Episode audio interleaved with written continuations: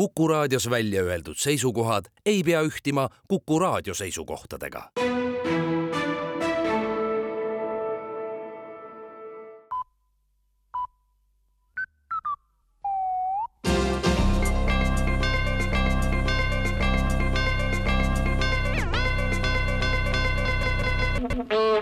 uudised on eetris ja stuudios Rohke Debelak valitsus annab teada, et on otsustanud tänasele streigi avapäevale ka ise õla alla panna ja eraldas protestijatele mahapõletamiseks Maardu mõisa.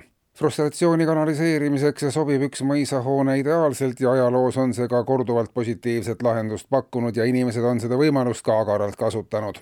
Maardu mõis valiti välja loosi teel, Eestis on arvukalt mõisahooneid, mida põletamiseks loosida ja seega ei näe valitsus hetkel oma poliitika muutmiseks ka otsest põhjust presidendi kantselei annab aga teada, et vabariigi aastapäeva presidendi vastuvõtule on sel aastal kutsutud Eestimaal elavad inimesed, kes on lõppenud aastal või ka veelgi pikema perioodi jooksul elanud ja töötanud Eestile, saanud hakkama oma valdkonnas silmapaistvate saavutustega, mis on edasi arendanud Eesti kultuuri, majandust ja kogu ühiskondlikku elu, ega ole seejuures otsinud iial omakasu valimatult terve Riigikogu kutsumine vastuvõtule on pikki aastaid solvanud just neid kutsutuid, kes on seal põhjusega. traditsioon, et vastuvõtule oodatakse tervet Riigikogu, võib kunagi taastuda, kuid selleks peaks parlamendiliikmete panus muutuma teiste kutsutud külaliste panusega ligilähedaseltki sarnaseks metsatöösturid ja Keskkonnaministeerium on pikema ühisanalüüsi tulemusel teinud kindlaks, et riigimetsa strateegilise julgeolekuvaru haldamine on olnud eesmärgipärane.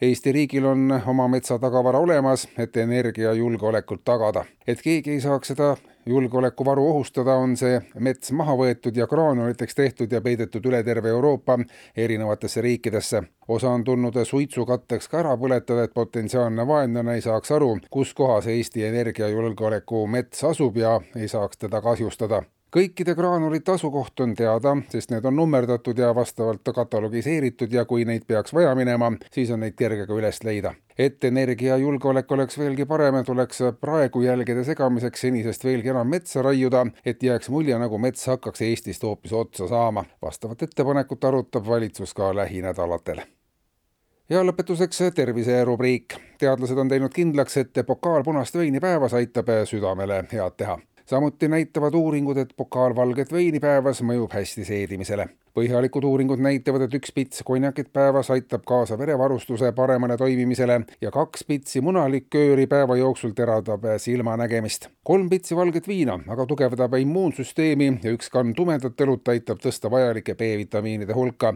üks kann heledat õlut aga samas neerufunktsiooni heaks toimimiseks hädavajalik ja iga päev on vaja ka üks vaba päev kõikidest arstimitest toibumiseks, mida kergendab oluliselt kõikide eeltoodud tervise ennetamise meetodite kasutamine kahekordses mahus.